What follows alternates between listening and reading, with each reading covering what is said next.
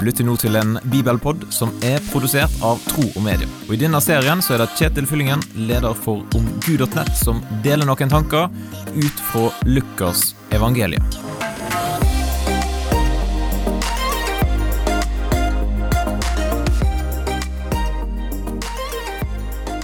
Det kan være fristende å trekke seg unna når en møter motstand. Det kan koste å stå på sitt, selv om en egentlig vet at en har rett, når en opplever at andre blir provosert og sinte. I evangeliet Lukas kapittel 6, vers 6-11, så ser vi hvordan Jesus opptredde i en sånn situasjon. En annen sabbat gikk han inn i synagogen og underviste. Der var det en mann med en høyre hånd som var vissen. De skriftlærde og fariseerne holdt øye med Jesus for å se om han ville helbrede på sabbaten så de kunne få noe å anklage ham for.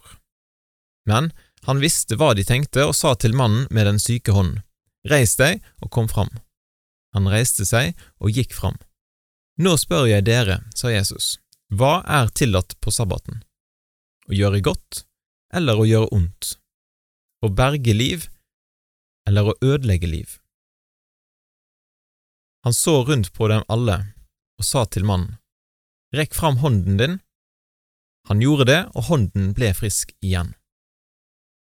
Da ble de helt fra seg av raseri og begynte å snakke sammen om hva de skulle gjøre med Jesus.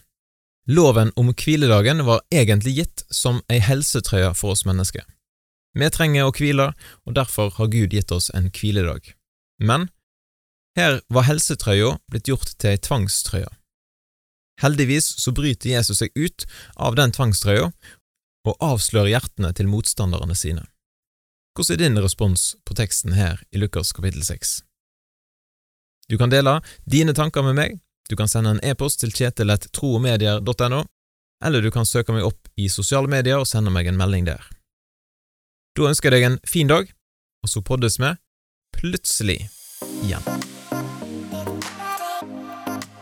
Takk for at du lytter gjennom denne bibelpodden. og Vil du gi en tilbakemelding på det som du hørte, eller vil du lære mer om kristen tro? Da kan du gå til nettsida omgud.nett. Eller du kan sende en e-post til kjetil.troogmedia.no.